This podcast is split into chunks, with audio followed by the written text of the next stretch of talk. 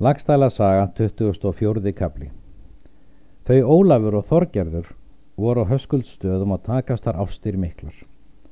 Auðsætt var það öllum mönnum að hún var skörungur mikill en fáskiptin hverstaslega. En það varð fram að koma er Þorgerður vildi til hvers sem hún hlutaðist. Ólafur og Þorgerður voru ímist hann vetur á höskuldstöðum eða með fóstra hans. Um vori tók Ólafur við búi á gottastöðum. Það sumar tók Þórður gotti sótt þá er hann leiti til bana. Ólafur let verpa haug eftir hann í nesi því er gengur fram í lagsá er drafnarnes heitir. Þar er gardur hjá og heitir hugsgardur. Síðan drífa mennað Ólafi og gerist hann höfðingi mikill. Höskuldur öfundiði það ekki því hann vildi jafnan að Ólafur væri aðkvattur öllum stórmálum. Þar var bú risulegast í Laxárdal er Ólafur átti. Þeir voru bræður tveir með Ólafi er hvort tveggi hétt án. Var annar kallar án hinn kvíti en annar án svarti. Beinir hinn sterki var hinn þriðji. Þessir voru sveinar Ólafs og allir hraustir menn.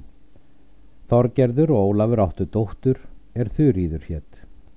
Lendur þær er hrappur hafði átt lág í auðn sem fyrr var rítað. Ólafi þóttu þær vel liggja, rætti fyrir föður sínum eitt sinn að þeir myndu gera menna fund trévils með þeim erindum að Ólafur vill kaupað honum löndin á hrappstöðum og aðrar eignir þær er þar fylgja. Það var auðsótt og var þessu kaupi slungið því að trévill sá það að honum var betri einn kráka í hendi en tvær í skógi. Var það að kaupi með þeim að Ólafur skildi reyða þrjár merkur silfurs fyrir löndin en það var þó ekki jafnaðar kaup því að það voru víðar lendur og fagrar og mjög gagn auðgar. Miklar lagsvegar og selvegar fylgdu þar. Voru þar og skóar miklir, nokkur ofar en höskuldstaðir eru fyrir norðan lagsá. Þar var höggvið rjóður í skóginum og þar var nálega til gersað ganga að þar sapnaði saman fíja Ólafs hvort sem veður voru betri eða verri. Það var á einu husti að í því sama holti létt Ólafur bæreisa og af þeim viðum er þar voru högnir í skóginum en sumt hafði hann af rekaströndum. Þessi bær var risilegur, húsin voru auðum veturinn. Um voruð eftir fór Ólafur þanga byggðum og létt áður saman reka fjesitt og var það mikill fjöldi orðin því að engi maður var þá auðgara kvikfje í breyðafyrði. Ólafur sendur nú orð föður sínum að hann stæði út og sæi ferð hans þá er hann fór á þennan nýja bæ og hefði orð heill fyrir. Höskuldur hvað svo að vera skildu. Ólafur skipar nú til, lætur reka undan fram söðfjöð það er skjarrast var. Þá fóru búsmali þar næst, síðan voru rekin geldneiti. Klifjarhoss fór í síðarlagi. Svo var skipað mönnum með fjöð þessu að það skildi engan krók rista. Var þá ferðarbrotturinn komin á þennan bæ, hinn nýja er Ólafur reyður gardi af gottastöðum og var hvergi hlýð í milli. Höskuldur stóð úti með heimamenn sína.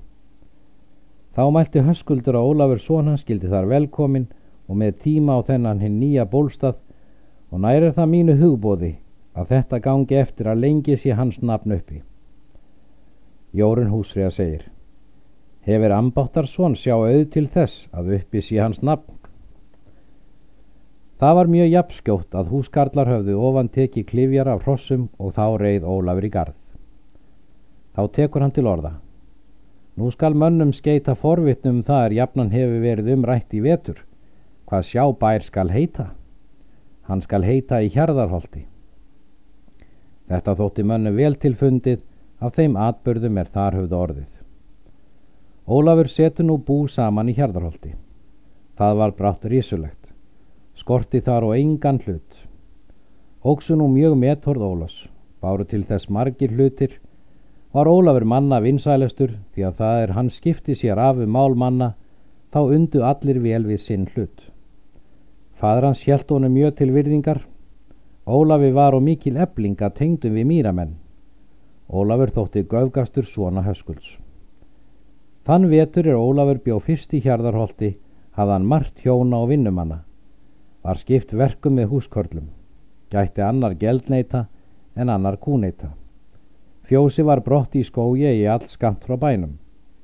Eitt kveld kom sá maður að Ólafi er geldneita gætti og bað hann fá til sín annan mann að gæta nautana, en ætla mér önnur verk. Ólafur svarar, það vil ég að þú hafur hinn sömu verk þín. Hann hvaðst heldur brott vilja. Ábóta þykir þér þá vant, segir Ólafur. Nú mun ég fara í kveld með þér er þú bindur í naut og ef mér þykir nokkur vorkun til þessa, þá mun ég ekki aðtelja eða myndu finna á þínu hlut í nokkuru. Ólafur tekur í hönd sér spjótið gullrekna konungsnaut, gengur nú heiman og húskart með honum. Snjór var nokkur á jörðu. Koma þeir til fjósins og var það opið. Rætti Ólafur að húskart skildi inganga, en ég mun reka þér nautin, en þú bytt eftir. Húskarl gengur að fjóstyrunum. Ólafur finnur eigi fyrir hann hleypur í fangonum. Spyr Ólafur hví hann færi svo fæltilega? Hann svarar. Rappur stendur í fjóstyrunum og vildi fálma til mín, en ég hef sattur á fangabröðum við hann. Ólafur gengur þá að durunum og leggur spjótinu til hans. Rappur tekur höndum báðum um fal spjótsins og snarar af út, svo að þegar brotnar skaftið. Ólafur vill á renna á rapp, en rappur fór þar nýður sem hann var komin, skilur þar með þeim.